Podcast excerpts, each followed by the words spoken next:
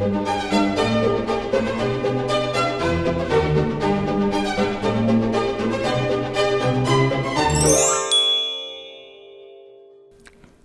och välkomna till Kungligt! Med Jenny Alexandersson. Och Sara Eriksson. Hur mår du idag Sara? Jag mår bra. Jag pratade precis med dig här innan att man får lite sån, man kanske inte får säga det, men man får lite ångest över att sommaren nu går så fort och att den allra vackraste tiden mellan hägg och syren liksom har blommat över. Ja, och skolavslutningarna är över, nu hägrar semester och det är ju härligt. Men jag tycker också maj och början på juni är så himla ljuvligt. Mm. Och eh, nu är den tiden förbi det går för fort helt enkelt. Men vi ska inte deppa, vi ska försöka stanna upp och njuta lite av tillvaron och det fantastiska vädret som vi har just nu i Stockholm. Mm. Ja, eh, det ska verkligen. vi göra. Eh, blommorna blommar i alla fall på balkongen för en liten update. Hur går det med din eh, hysteriska kompis där på balkongen? Hortensian. Jag ja. skickade ju bilder till dig igår kväll Jenny, där jag ja. visade att jag gav upp. Eh, jag klippte ner hortensian och det fick då bli snittblommor i en vas. Vi får se hur länge de står ut där. Men skam den som ger sig, nu har en blå hortensia intagit balkongbordet. Så, ja men härligt, Och det är härligt. så kul för det är flera lyssnare som har hört av sig i min hortensia-problematik och gett mig massa tips. Eh, jag visste till exempel inte att den här blomman tog upp mycket liksom, vatten ifrån bladen, så man ska tydligen spraya den med vatten. Oh. Eh, så det ska jag nu försöka med den här blomman nummer två. Får vi se. Fortsättning följer. Men eh, kära lyssnare med gröna fingrar.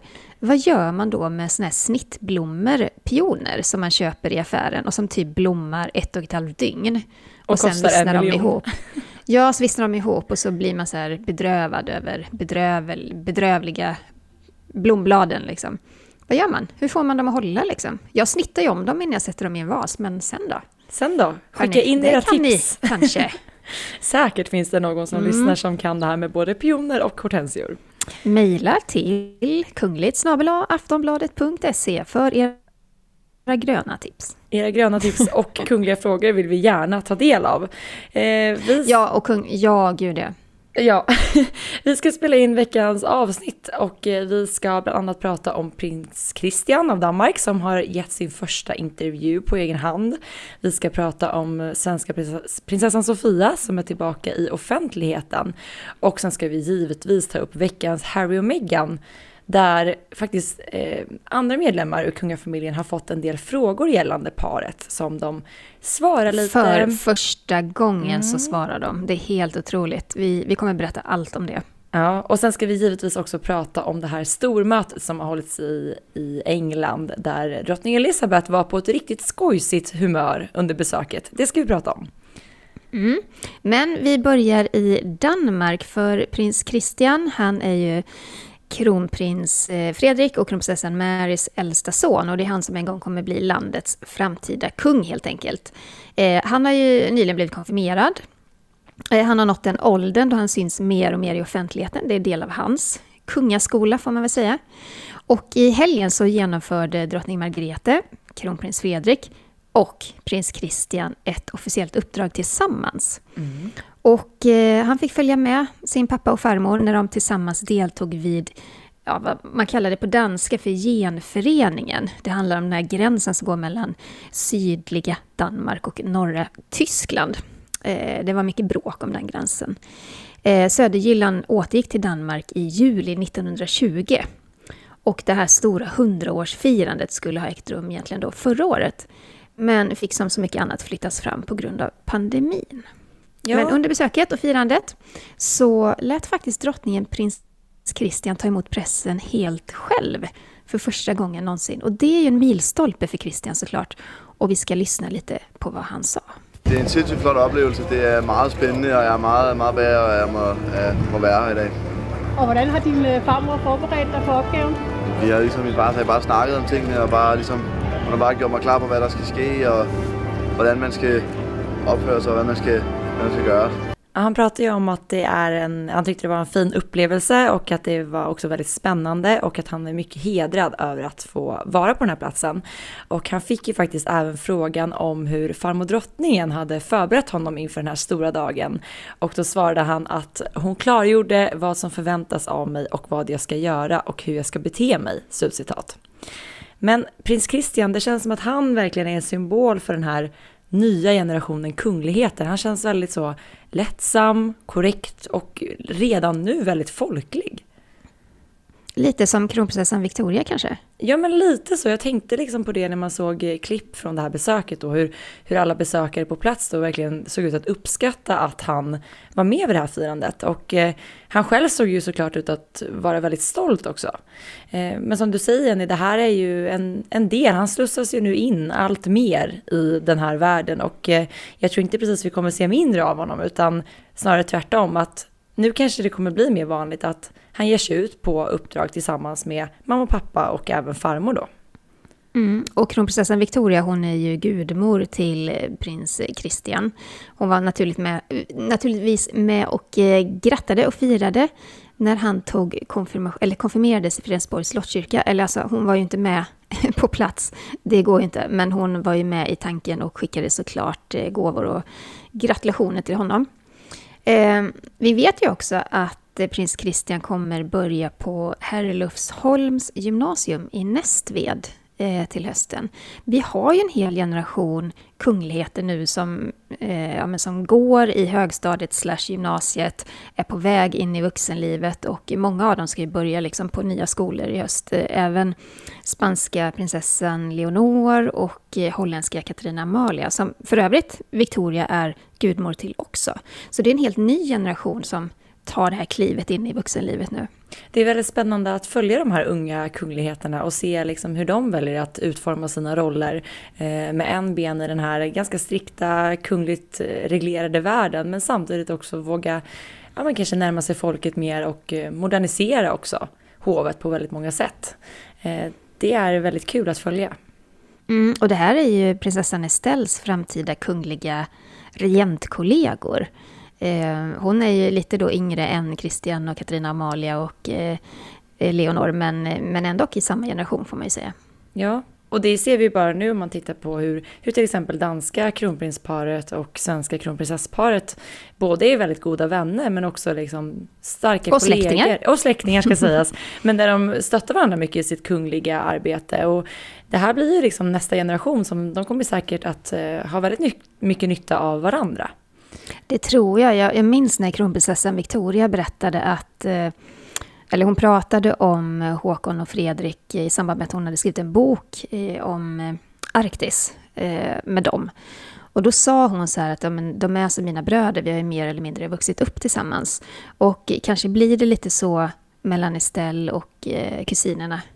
Alltså, jag tänker i Danmark, men alltså, även i Norge också, den generationen. Mm. Och det är fint att de kan stötta varandra.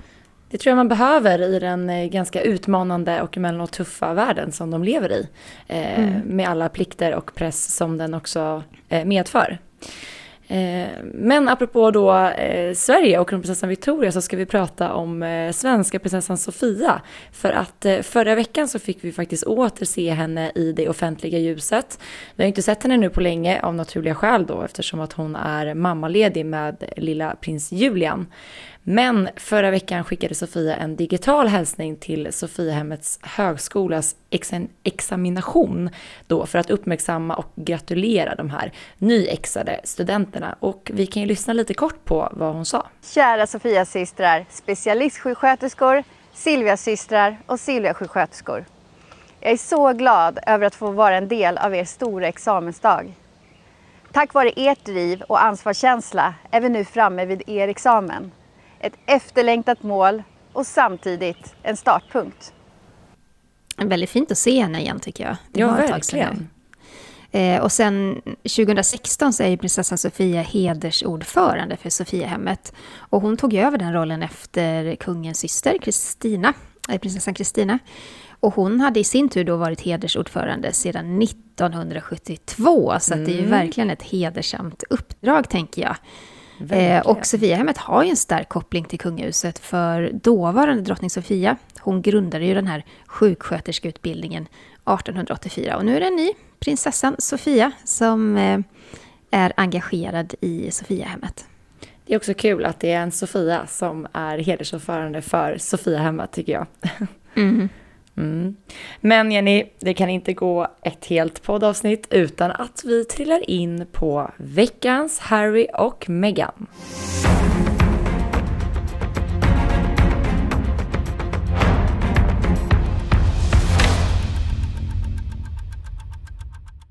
Ja, kontroverserna de bara fortsätter och fortsätter. Och eh, vi vet ju att sedan Harry och Meghan gav den här omtalade skandalintervjun till Oprah Winfrey där de anklagade kungahuset för rasism och för att vara känslokalla så har ju sprickan mellan Harry och Meghan och kungafamiljen ökat enormt. Och sen fortsatte ju Harry att kritisera kungafamiljen, sin pappa, sin farmor och farfar i den nya tv-serien The Me You Can't See som han gör med Oprah för Netflix. Eh, men eh, kungafamiljen har hållit en väldigt låg profil kan man ju säga. De har ju inte direkt kommenterat det här. Det här pressmeddelandet som hovet skickade ut efter anklagelsen om rasism, det var ju väldigt utslätande och eh, eh konstaterade bara att de skulle hålla eh, det här privat. Men i helgen då så genomfördes ju G7-ländernas toppmöte och de höll till i Cornwall. Och eh, då såg vi bland annat Joe eh, Biden, president i USA, och hans fru Jill eh, Biden var ju med. Och då var det så här att Jill Biden och hertiginnan Catherine, de besökte en skola. Det var ett gemensamt uppdrag som de hade, en skola i Cornwall. Och under det här besöket så fick Kate frågor gällande Harry och Meghan. En av frågorna handlade om ifall de hade träffat den nyfödda lilla flickan Lilibet som föddes den 4 juni. Eh, och vi lyssnar på hur Kate eh, hanterade de här frågorna om Harry och Meghan. Oh, I wish her all the very best. I can't wait to meet her because we haven't yet um, yet met her yet. So hopefully that will be soon. Have you FaceTime with her? No, I haven't. No. Ja, det framkom ju då att eh, de i alla fall, de har, det är kanske svårt att hälsa på nu i dessa tider, men de har alltså inte ens facetimat med Harry och Meghan sedan dottern föddes. Och det här var ju alltså då en vecka senare, eftersom att hon föddes den 4 juni. Och eh, det jag tyckte var så intressant, det var ju att när de här frågorna ställdes så satt ju då eh, Jill Biden och Catherine liksom som på ett, ja men lite av en presskonferens såg det ut som. De satt ju vid ett bord och pressen fick ställa frågor. Så här blev det ju väldigt svårt svårt för Kate att ducka för den här frågan. För vi har ju sett nu flera gånger sedan den här omtalade intervjun hos Oprah hur pressen flera, flera gånger har försökt liksom att, att få ställa frågor gällande Harry och Meghan till kungligheterna lite när de har varit ute på uppdrag. Men då har det varit lite lättare för dem att ducka frågorna. Just för att de har kunnat gå vidare eller, eller sådär. Men här satt de ju verkligen vid ett bord. Hon kunde ju inte precis bara sjunka genom stolen utan det var ju bara att svara. Och vad tycker vi om det här svaret? Jag tycker att det, jag känner inte Kate personligen alls såklart. Eh, jag, jag, får bara den här känslan när jag ser det här videoklippet att hon liksom blir så nervös och nästan lite så här en, en liten millisekund fryser till. Och sen lägger hon upp det här vackra leendet som hon alltid, alltid har. Eh, hon är alltid så vänlig och artig liksom. Och så svarar hon såklart. Men, men att det blir, det är något så pressat över henne. Jag tror att hon tycker det här är jättejobbigt att få de här frågorna. Det hade jag med tyckt om jag var i den situationen. Och de är väl säkert så också, de vet ju också att alla är på hugget nu och vill veta vad de tycker. Så vad de än säger så kommer det ju att bli uppmärksammat. Eh, jag reagerade också på att hon, hon la till det här klassiska och lite nervösa tihi när hon skulle svara på frågan.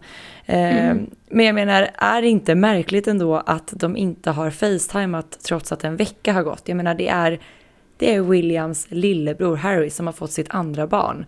Och även om man inte kan ses nu i dessa tider så finns de här, alltså de här digitala hjälpmedlen finns ju överallt. Det är ju hur lätt som helst att koppla upp och visa upp sin nya familjemedlem. Eh, det tydliggör ju verkligen att det finns en spricka i familjen och att den inte precis har blivit mindre. Nej, men jag tror den här relationen mellan bröderna är fortsatt frostig. Jag tror att det är jättesvårt för båda parter att, eh, att gå vidare. Därför att den här, de här attackerna som Harry liksom har riktat mot eh, kungafamiljen och faktiskt verkliga specifika personer i kungafamiljen. Han går ju på Storbritannien och samväldets eh, regent och hela kungafamiljens matriark, drottning Elizabeth. Jag tror det är jättesvårt för William som är framtida kung att blunda för detta. Utan jag kan inte veta såklart, men, men jag kan tänka mig att kungafamiljen ser det här som ett svek. Att de tycker att Harry borde hållit det här inom familjen och inte pratat offentligt om det. Att de skulle kunnat lösa det här. Eh, men som du säger, sprickan den ökar och ju fler utspel som eh, Harry och Meghan gör, desto svårare blir det ju att limma ihop det här sen. Ja, såklart. Så är det ju. Men det är ju även fler kungligheter som då fått frågor gällande den här väldigt komplicerade familjesituationen. Även prins Edward och hans fru Sophie fick frågor gällande paret. De intervjuades både av CNN och BBC i samband då med eh, prins Philips 100-årsdag som uppmärksammades då den 10 juni. Och där kan vi bara säga att prins Edward är ju då också, eh, han blir då eh, farbror till Harry, eller hur? Ja, precis. Det är ju, Edward är ju alltså en av eh, drottning Elizabeths fyra barn, ett av drottning Elizabeths mm. fyra barn. Eh, och hans fru då, Sophie. Men vi kan i alla fall säga att Edward var ju väldigt diplomatisk, men samtidigt lite vass när han fick frågan om hur han ser på situationen. I en av intervjuerna, jag tror att det är BBC då, så frågar journalisten så här, eh, citat, det här är en privat fråga men också väldigt offentligt eh, offentlig, vilket du säkert är van vid. Familjesprickan, eh, det måste varit tufft för drottning Elizabeth att hantera nu, särskilt i samband med prins Philips död, slutcitat. Och så här svarar han då. Are you, are you euphemistically referring to, uh, to Harry and Meghan, are you? Yeah, uh, yes. I mean, the, the, there's a, yes, the divide between the Sussexes and the rest of the family currently.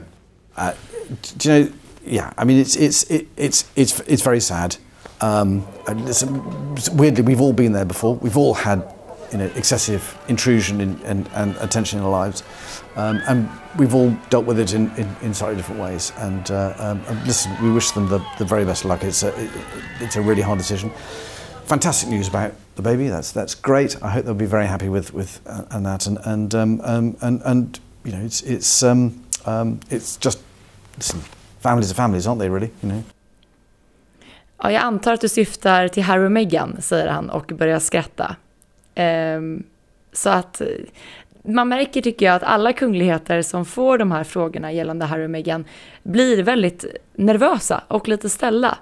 Att det här skrattet ja, ger ju några, några extra sekunder till att tänka till, tänker jag. Ja, men de vet ju också att vad de än svarar, eller att de svarar, kommer generera rubriker över hela världen.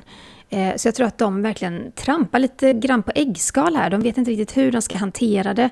De vet såklart att frågan någon gång kommer att komma till dem. Och sitter man då i en så här uppstyrd tv-intervju med liksom ett helt tv-team som har arrangerat en situation så kan man inte heller bara resa sig och gå. Det gör man inte. Men vi ska också lyssna på hur det lät när han fick eh, fler frågor om familjefejden. I said way out of it. It's much the, much the safest place to be. And do you feel any sadness about how it's played out? Oh, of course, you know, I mean, it's, it's, there are all sorts of issues and circumstances there, but you know, we, we've all been there. A new baby for Harry and Meghan, the sweet baby Lilibet, a name that will be very meaningful for your family. Well, we just wish them, you know, all, all happiness. That's fantastic news, and uh, and and yeah, absolutely. I hope they're they're very happy and, and Och det här är ju så roligt, eller roligt är det inte det, men han, han använder ju humor ändå. Att, eh, han, han svarar ju att det är såklart sorgligt, men att han håller sig långt borta ifrån det, därför att det är den säkraste platsen att vara på. Mm.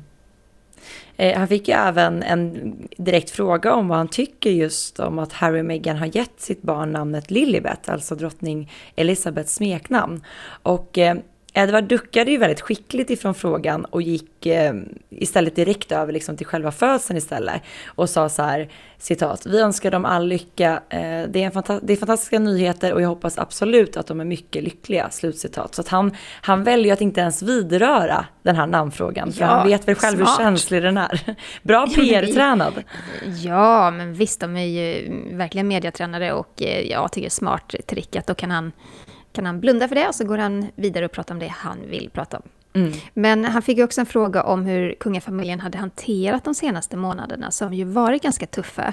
Med tanke då på Harry och Meghans kritik mot familjen. Och eh, då säger han ju så här att det är svårt för alla, men så är det i familjer.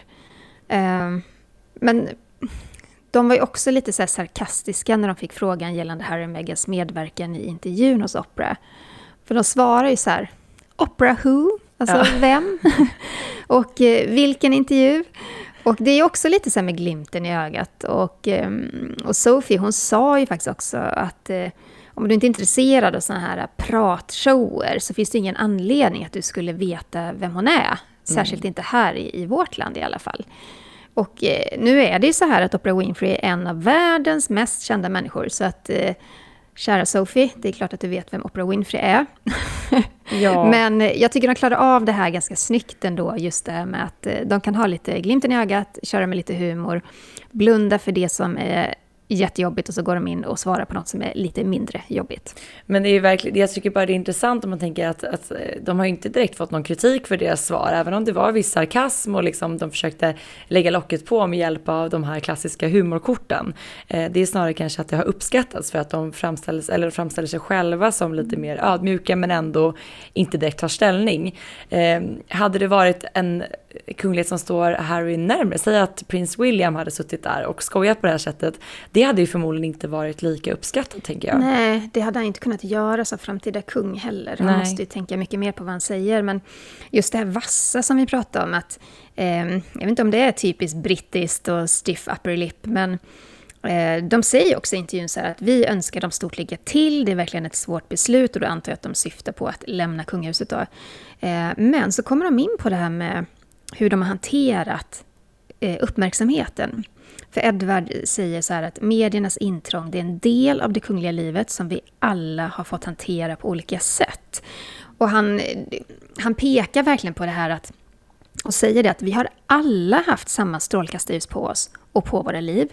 Vi har alla varit offer för massivt intrång och allt som hör till. Och vi var tvungna att hantera det på olika sätt. Så det är också lite en sån här peak mot Harry och Meghan att, eh, att Harry och Meghan inte har hanterat det korrekt. Nej. Kan man tolka det så? Jag tolkar det så. Jag tolkar det som att han vill förmedla att det, att det inte är så att de har haft det så jättemycket lättare. Och, och därmed inte förminska det de känner, utan bara bekräfta att det är inte så att mitt kungliga liv har varit särskilt enkelt heller. Utan att alltså de, liksom alla andra, har blivit ifrågasatta och haft media hack i häl hela sin uppväxt. Fast då blir det ju lite kritik ändå, tänker jag, av Harry och Meghan. Eh, Tror du att han tycker att de så- lämnade för lätt? Ja, Ja. Det, alltså jag, jag läser in det. Mm. För att om han säger men vi har alla känt detta, vi har alla upplevt detta, vi har alla eh, haft ett massivt intrång på oss. Men det blir också så här att de är kvar, men Harry och Meghan har hanterat det på ett annat sätt. De drog. De drog. Ja. Mm. Eh, men han fick ju också en fråga om ifall han var ledsen över hur situationen hade blivit. Och där erkänner han ju att ja, såklart. Det, det är han ju. Eh, men lägger till då att det finns ju då massor av olika problem och omständigheter där. Och när han säger där så syftar han ju liksom på Harry och Meghan. Och vad det är för problem och omständigheter, det går han ju såklart inte in på. Men så lägger han till igen då, vi har alla varit där. Så att eh, han pekar ju också på att den här, det som Harry och Meghan har klagat på, det har de alla upplevt i kungafamiljen. Och han tycker nog att de har liksom kanske inte gett en, eh, en ärlig chans på så sätt också. Att, man, att man har gjort det lite lätt för sig att bara dra. Ehm, och ska tilläggas då, inte bara dra, utan också då kritisera eh, kungafamiljen. Det är också det som är väldigt problematiskt, såklart. Så är det. Men i veckan då så kom en ny rallarsving från Harry och Meghans sida. Och den här gången så riktades den mot BBC. Och BBC kan man väl ändå säga är då liksom eh, Huskanalen i Storbritannien. Det är liksom en eh, public service-kanal. Det är de som har haft det förtroendet från kungahuset att gå ut med kungliga nyheter först, eh, pressmeddelanden och sånt. Men eh, kanalen hävdar att eh, drottning Elizabeth aldrig blev tillfrågad om Harry och Meghan fick ta hennes smeknamn och ge till sin dotter. För det här, det kan låta som en petitess, men det här är en story som har fått ett så sjukt stort genomslag i hela världen. Alltså all världens press när det blev känt att hon skulle heta Lilibet eh, Diana, alltså alla har ju skrivit om det. Och det var så mycket kritik mot, mot att Harry och Meghan tagit ett så personligt eh, smeknamn på drottningen. Mm. Eh, och BBC har också skrivit det och de har då menat att eh, eh drottning Elizabeth blev aldrig tillfrågad. Ja, och det, det här dundrade ju då ut och som du säger, det var det ju väldigt många som hakade på det här. Och eh, mm. det är ju inte precis ett namnval som har hyllats världen över utan snarare kritiseras för man tycker ju att det är märkligt hur man vill lämna det kungliga livet bakom sig men sen väljer kanske det mest privata och kungligaste namnet av dem alla, nämligen drottningarnas drottnings smeknamn. Eh, men då har ju då Harry och Meghan eh, gått till attack tillbaka och hotar nu då med rättsliga åtgärder eh, mot BBC. För efter att de då började skriva om det här namnvalet så gick det ut ett pressmeddelande där det stod att drottningen visst blivit tillfrågad. Vänta lite Sara, det här är helt sjukt. De går alltså ut med ett pressmeddelande för att dementera en sån liten detalj ifall de har frågat drottningen om lov mm. eller inte. Mm. Det är ganska spektakulärt får man ju säga. Ja men verkligen. Och där stod det liksom att hon har visst blivit tillfrågad och det var det vi pratade om i förra veckans podd att, att drottningen ska ha varit den första personen som Harry valde att ringa för att då berätta om födseln av Lilibet Diana Mountbatten Windsor. Så att, och jag menar, som vi pratat om så många gånger förut, att brittiska kungligheter är ju, eller kväver ju helst liksom spekulationer och rykten med knäpptystnad. Men här är ju då Harry och Meghan snabba med att de såg den här ryktesspridningen och de ville liksom direkt gå ut och berätta att hon visst hade blivit tillfrågad. Um, och det kan de ju göra, tänker jag, i och med att de nu inte tillhör kungahuset. Men problemet är att när de går ut och dementerar detalj efter detalj så kommer de snart inte ha annat att göra. Och den dag de inte dementerar någonting så kommer ju alla tro att ja, men då är den uppgiften sann. Mm. Fast den kanske inte är det. Så här gör de, alltså jag tror att de begår ett misstag här. De gör sig att, själva en otjänst. Ja, men att också hota med rättsliga åtgärder gång på gång på gång på gång. Jag tror inte det är så att de kommer få eh, brittiska tabloider eller andra tidningar i världen att sluta skriva om dem. Tvärtom. Ja. Jag tror att det här bara matar på. Ja. Och Buckingham Palace har ju såklart inte kommenterat de här uppgifterna. Eh, men de har heller inte dementerat dem. Så att, eh, ja, BBC har ju fortfarande kvar sina artiklar kring det här ämnet. Så de har inte valt att ta ner dem. Så de kanske inte tar och, hotet på så stort allvar då. Nej men det betyder också, tänker jag, att de har en oerhört pålitlig källa. Ja, alltså de måste lita så mycket på sin källa att de känner att vi tar inte ner det här för vi vet att det här stämmer. Och BBC är ju inte, det är ingen liten digital sajt någonstans utan det är ju liksom ett eh, gediget mediahus. Mm.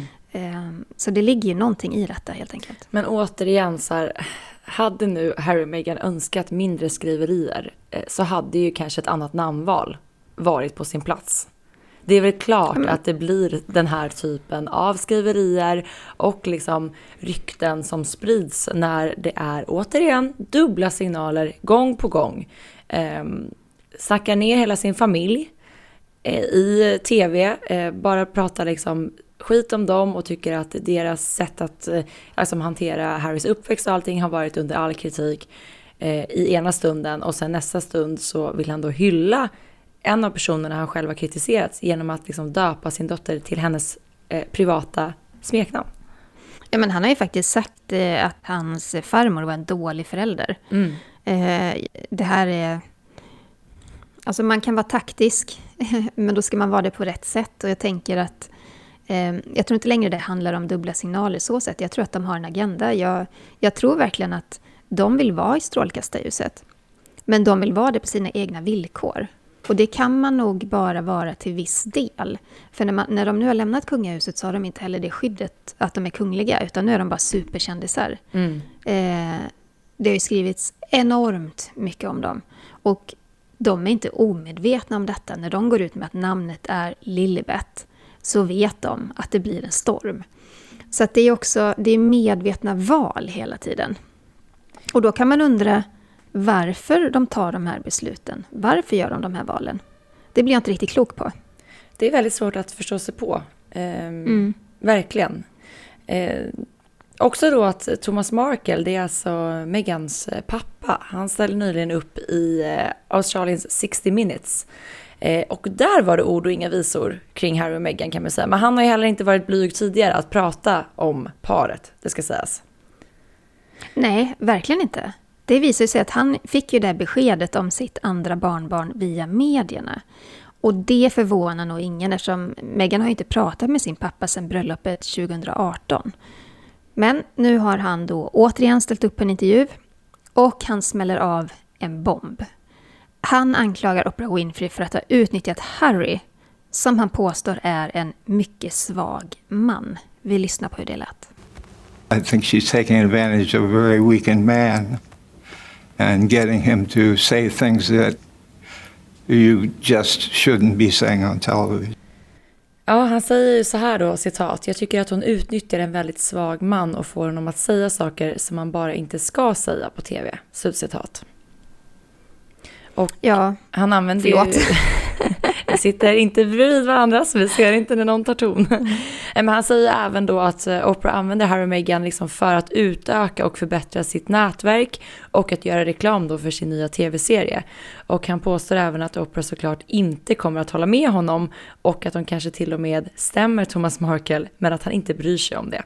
Så han var hård här i intervjun och han sa även att kan inte hon bjuda in mig eh, till en intervju så jag får ge min version av det hela. Mm, just det. Ja. Men samtidigt då i, i, i den här eh, intervjun med 60 minutes så kritiserar han ju paret för att inte vilja ha kontakt med honom. Eh, de har inte heller varit eh, och hälsat på honom. Eh, han bor ju i Mexiko för, eh, för tillfället, eller för tillfället, han bor där nu. Och så lägger han till med en sån här riktig smattrande raket att till och med yxmördare får besök i fängelset. Eh, men hans poäng är liksom att han ser då att Harry och Meghan nu fryser ut båda sina familjer. Det är inte bara honom, utan det är också kungafamiljen. Och så menar han då att de bor i ett gigantiskt hus som antagligen skulle rymma 20 stycken fler personer. Mm. Men Sara, vad, vad tycker du om den här intervjun? Nej, men jag tycker att allting som rör Meghan och hennes pappa Thomas Markle är väldigt ledsamt att ta del av. För det spelar ingen roll ifall att man är kunglig eller helt vanlig människa. Alla typer av familjekonflikter och intriger är ledsamma eh, att ta del av och höra om. Att, man, att det går så långt att man väljer att bryta och att se då att en, en av personerna mår så himla dåligt över att inte ha kontakt. Sen tycker jag absolut att Thomas Markle har betett sig väldigt illa emot Meghan när han då har sålt ut det här brevet som det har varit en otrolig rättsprocess kring och det sägs även att han dealade med paparazzis för att få till liksom bilder eh, och så vidare. Och det, det är ju lite fel väg att gå om man vill ha en god relation med sin dotter. Eh, men mm. jag tycker just att, men det gäller även liksom hela bråket egentligen mellan Harry och Meghan och kungafamiljen, att det är så sorgligt när det, det ska liksom bli någon form av Eh, ja, men öppen ridå, allting ska ske i media istället för att man lyfter luren och pratar med varandra som vanliga människor. Utan att allting ska gå via media, det skapas rubriker och det blir liksom bara värre och värre för varje gång. Eh, jag tycker man hör det ganska tydligt i den här intervjun med Megans pappa att eh, tonen steppas ju upp för varje liksom, intervju han gör. Så man undrar bara vad som ska komma härnäst om de liksom inte kanske bara pratar med varandra och eh, reder ut ett och annat. Ja, det är svårt. Det är väldigt sårigt. Hela, hela den där relationen är väldigt infekterad. Mm. Eh, och man kan ju dra paralleller till prinsessan Diana såklart, som också i en väldigt omtalad intervju talade ut om sitt äktenskap med, med prins Charles. Eh, nu gör Harry, hennes son, samma sak, fast eh, relationen till sin familj. Och det blev inte bra för Diana och det blev inte bra för Harry. Så jag menar, det är ingen ingen läxa lärd liksom, kring detta. Utan eh, det känns också som att just den här konflikten med Harry och Meghan, den, den kommer fortgå. Medierna eldar på såklart och eh, folk vill veta, folk är nyfikna. Det är, det är en konflikt som är väldigt kittlande, som är väldigt spännande för folk. Mm. Och ju mer utspel som kommer från Harry och Megans sida, desto mer... Eh, längre tid kommer den här elden brinna helt enkelt. Men just det här som du sa att eh, Diana gjorde någonting liknande fast då handlade det mer om hennes äktenskap. Både, både Harry och William har ju i efterhand pratat om just hur, hur den intervjun faktiskt kom att påverka deras mamma väldigt negativt. Eh, just Mm. för det här efterspelet som blev och fortfarande är ska sägas. När var det 97 hon satt i, eller var det 96? Eh, Det var nog... 95 kanske? 95 tror jag. Ja. Men jag menar det är många år sedan och man pratar om den intervjun än idag. Eh, och det Mm. kommer man troligtvis att göra om Harry och Megans intervju hos Oprah också. Den kommer ju liksom leva vidare år efter år. För det är ett sånt otroligt statement ifrån deras sida. Eh, men frågan är hur det faktiskt kommer att påverka dem själva i längden och deras välmående. Mm. På tal om Diana, vi, jag tycker vi ska... Vi tar en liten positiv vinkel här. Ja, För, gärna. Det är ju så här, eh, en av Dianas förlovningspresenter från prins Charles har kommit fram i ljuset. Eh, för när prins Charles och Diana förlovade sig, då fick hon en liten Ford Escort i förlovningspresent och det var 1981. Eh, en silverfärgad Ford Escort med regnummer WEV 297W med grå veloursäten och eh, fyra dörrar. Och längst upp på motorhuven så satt en liten silverfärgad groda som ser ut att dyka ner i vatten. Och det var faktiskt en gåva till Diana från hennes syster Lady Sarah Spencer. Och den ska då, den ska då symbolisera att kyssa en groda och hitta en prins. Så det var en väldigt symbolisk eh, gåva. Väldigt så här sagolikt. Så, Mm. Prinsessan och prinsen liksom. Ja. Ja. Och Diana hon, hon körde ju ofta och mycket med sin bil. Alltså den syns på hundratals bilder av... Alltså när jag kollar i bildarkiven hos bildbyråer så finns den överallt. Så hon använder den ju hela tiden. Eh, men jag tror det var två månader efter att hon födde prins William så gjorde hon sig av med bilen. Och det här är så sjukt. 1995 så köptes den av en antikhandlare för 6 000 pund. Och det var då en födelsedagspresent till hans dotter. Men grejen är så här, jag har också sett så här gamla bilder i bildarkivet som kommer från Daily Mail. Och där så lottas den här bilen ut till en läsare. Så Va? någon gång under de här åren så har bilen också tillhört The Daily Mail. Det är en, en eh, kvällstidning i Storbritannien. Och då har de då så hittat två lookalikes som ser ut som Charles och Diana när de var unga.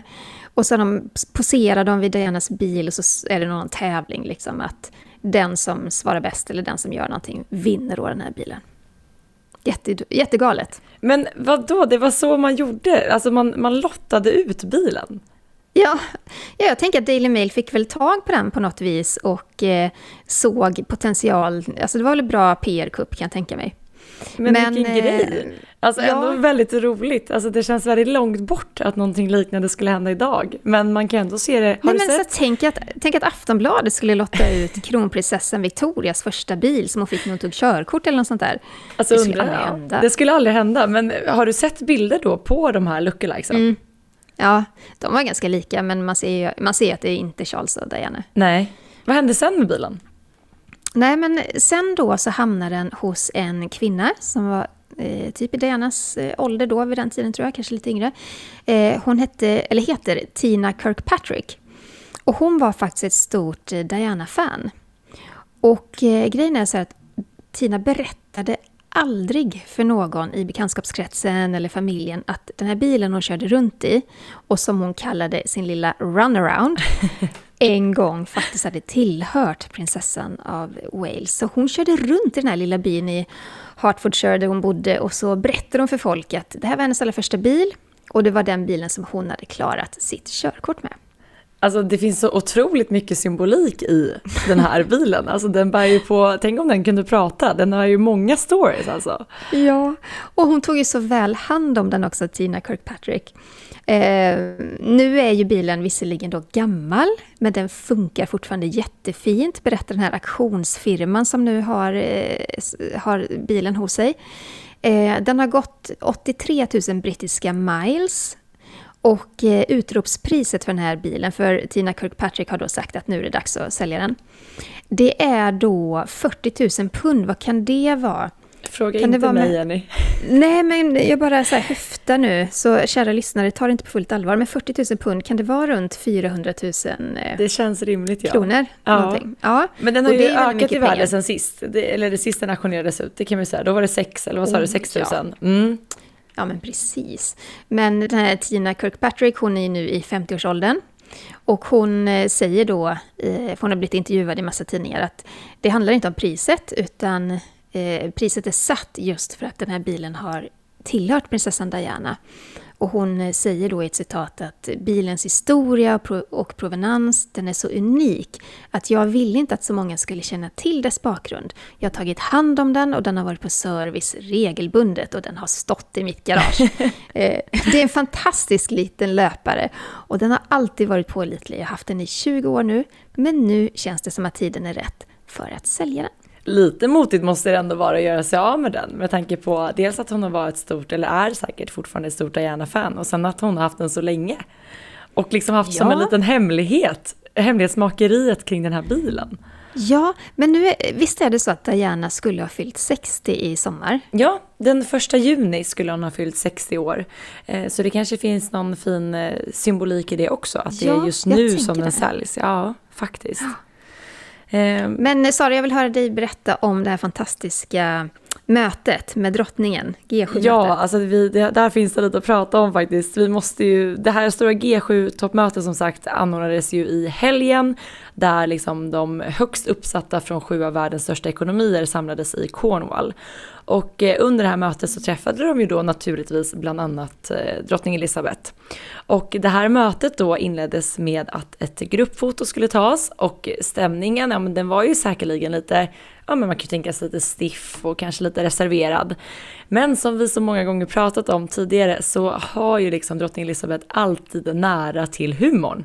Eh, och hon ville helt enkelt lätta upp stämningen lite eh, och det första hon sa när hon mötte upp de här superledarna var det här. How's that? Are you supposed to be looking as, as if you're enjoying it? Yes, we, we, definitely. Actually, if you can, if you could, uh, we, we have been enjoying ourselves. Coming up for this. Hon, Det är jätteroligt. hon säger alltså så här, ska det se ut som att ni har trevligt? Och då så svarar eh, premiärminister Boris Johnson, ja definitivt. Och sen börjar alla skratta. Eh, men det kändes verkligen som att drottningen hon anlände till det här mötet med mycket humor innanför kragen. För sen var det då dags för lunch i Cornwall och då skulle drottning Elizabeth gå loss med ett stort ceremonisvärd på tårtan. Eh, det var ingen liten pjäs. Eh, jag menar, att skära upp en tårta är ju alltid svårt även med en klassisk tårtspade faktiskt. Ja, men det var ju flera i närheten då som insisterade på att det fanns andra bra verktyg till att eh, dela upp den här tårtan med. Men eh, 95-åriga drottning Elizabeth fick givetvis sin vilja igenom och en av vakterna fick då dra sitt svärd och räckte över det till drottningen som började då skära upp tårtan med svärdet. Eh, och hon sa så här, det ser lovande ut när hon satte svärdet i den här magnifika tårtan. Och vid sin sida stod även hennes svärdotter Camilla av Cornwall och även då Catherine, hertiginnan av Cambridge. Eh, men det slutade med att drottningen fick ta hjälp för hon kom inte riktigt igenom tårtan med det här svärdet. Och eh, flera stycken sa det att snälla det finns andra grejer vi kan skära upp tårtan med och då svarade Elisabeth att det vet jag att det gör men det här är lite mer udda. Så hon, hon ville liksom göra den här, det här med lite, jag vet inte, lite humor och lite ja, finess helt enkelt. Men Camilla fick helt enkelt rycka in och tillsammans så fick de då skära sig igenom den här stora tårtan med svärdet och drottningen fick till slut sin tårtbit. Eh, men det är ju glädjande att se drottningen på det här skojhumöret. Jag tänker hon har haft en otroligt tuff period bakom sig med dels hela Harry och Meghan-karusellen men också liksom prins Philips död och att nu se henne äntra och vara på det här humöret, det, det är ju glädjande.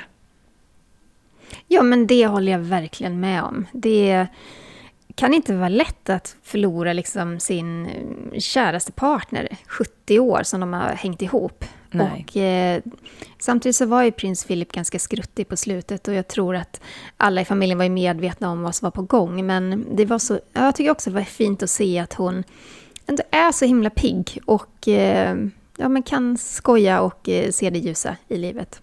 Mm. Ja, men hon är bra på det. Och snacka om att kunna lätta upp i sådana här lite eh, väldigt stiffa och formella sammanhang. Eh, mm. Då skulle hon fram med svärdet, hugga in på tårtan. Men utöver liksom att själva det här G7-mötet var, det är ju väldigt stort givetvis, så var ju också då USAs presidentpar på plats och eh, bara det att USAs president möter drottningen är ju stort i sig. Och eh, vi alla minns väl hur det gick för president Trump när han besökte drottning Elizabeth. För det var ju ja, inte helt... Herregud. Han checkade inte av alla etikettregler ja, men du, kan man säga. Han, check, han checkade inte riktigt in. han checkade inte in överhuvudtaget, det kan vi säga. vad var det han gjorde? Vi måste gå igenom lite ja. vad, vad, som hände. Det ska sägas att det var alltså när Trump besökte drottning Elizabeth, inte Biden nu, utan när Trump ja, besökte. Mm. Mm. Ja, men för det första så lät han ju drottning Elizabeth vänta på honom i eh, drygt en kvart. Mm. För han var försenad. Det får man inte vara vid sådana här tillfällen. Eh, sen så um, skippade han att eh, buga eller bocka lite för drottningen.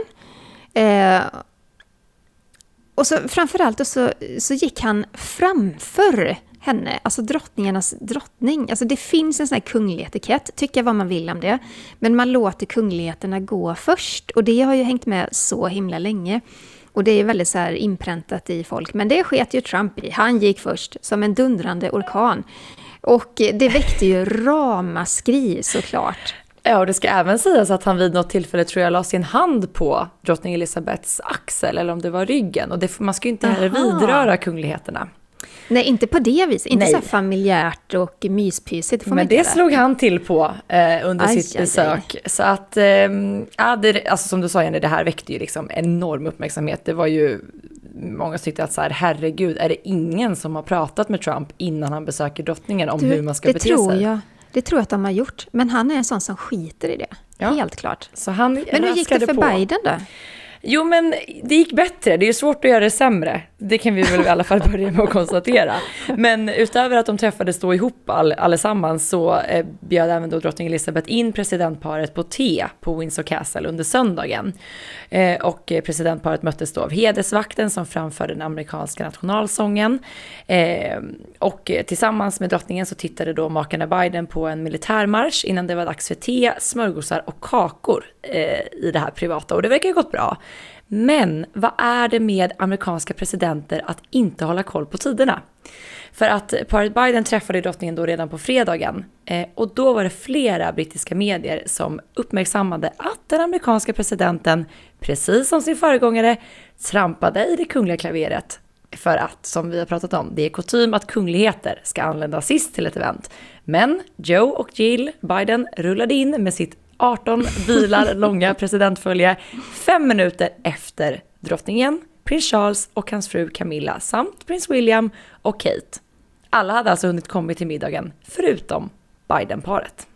Alltså man får ha lite bättre koll på, på tider och trafik och vad det nu kan vara som gör att man blir försenad. Alltså jag vet inte hur många gånger som, eh, som jag har sett lite så prominenta gäster sitta kvar och vänta i sina bilar för att de ska komma exakt rätt tid och, och liksom hålla tajmingen med kungligheterna och sådär.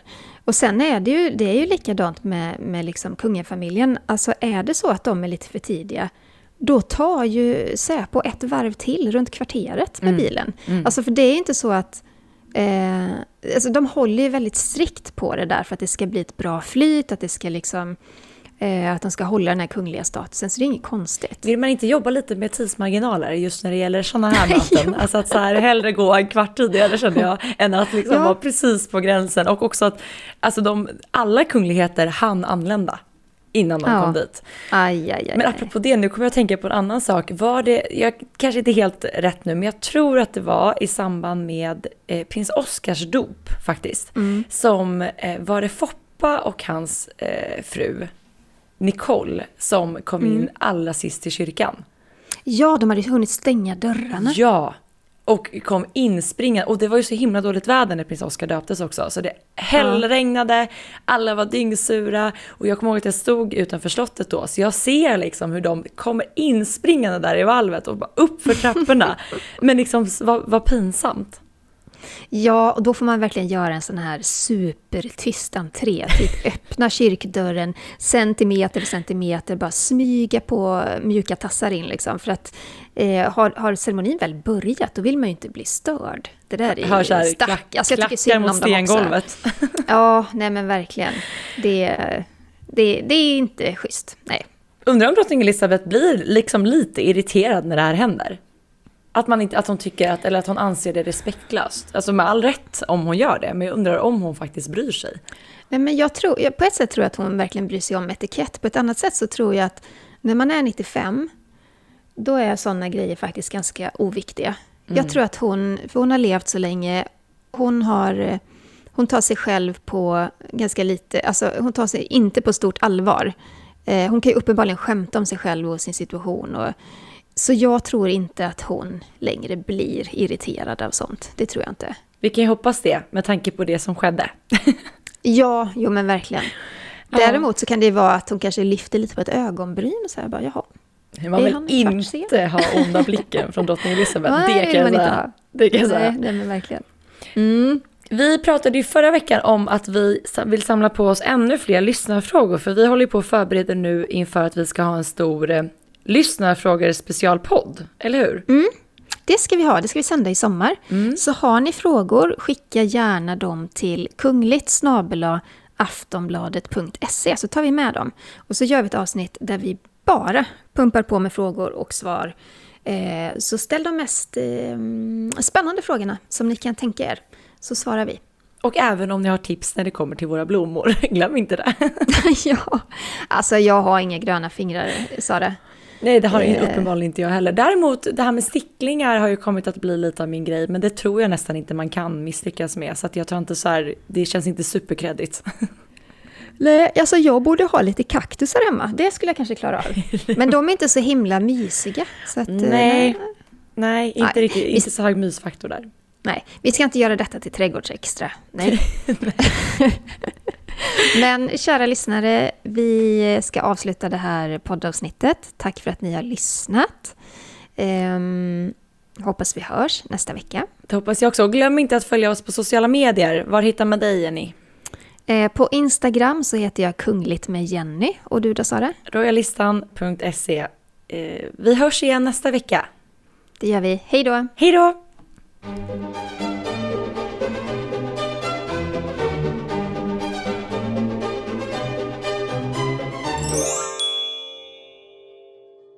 Du har lyssnat på en podcast från Aftonbladet. Ansvarig utgivare är Lena K Samuelsson.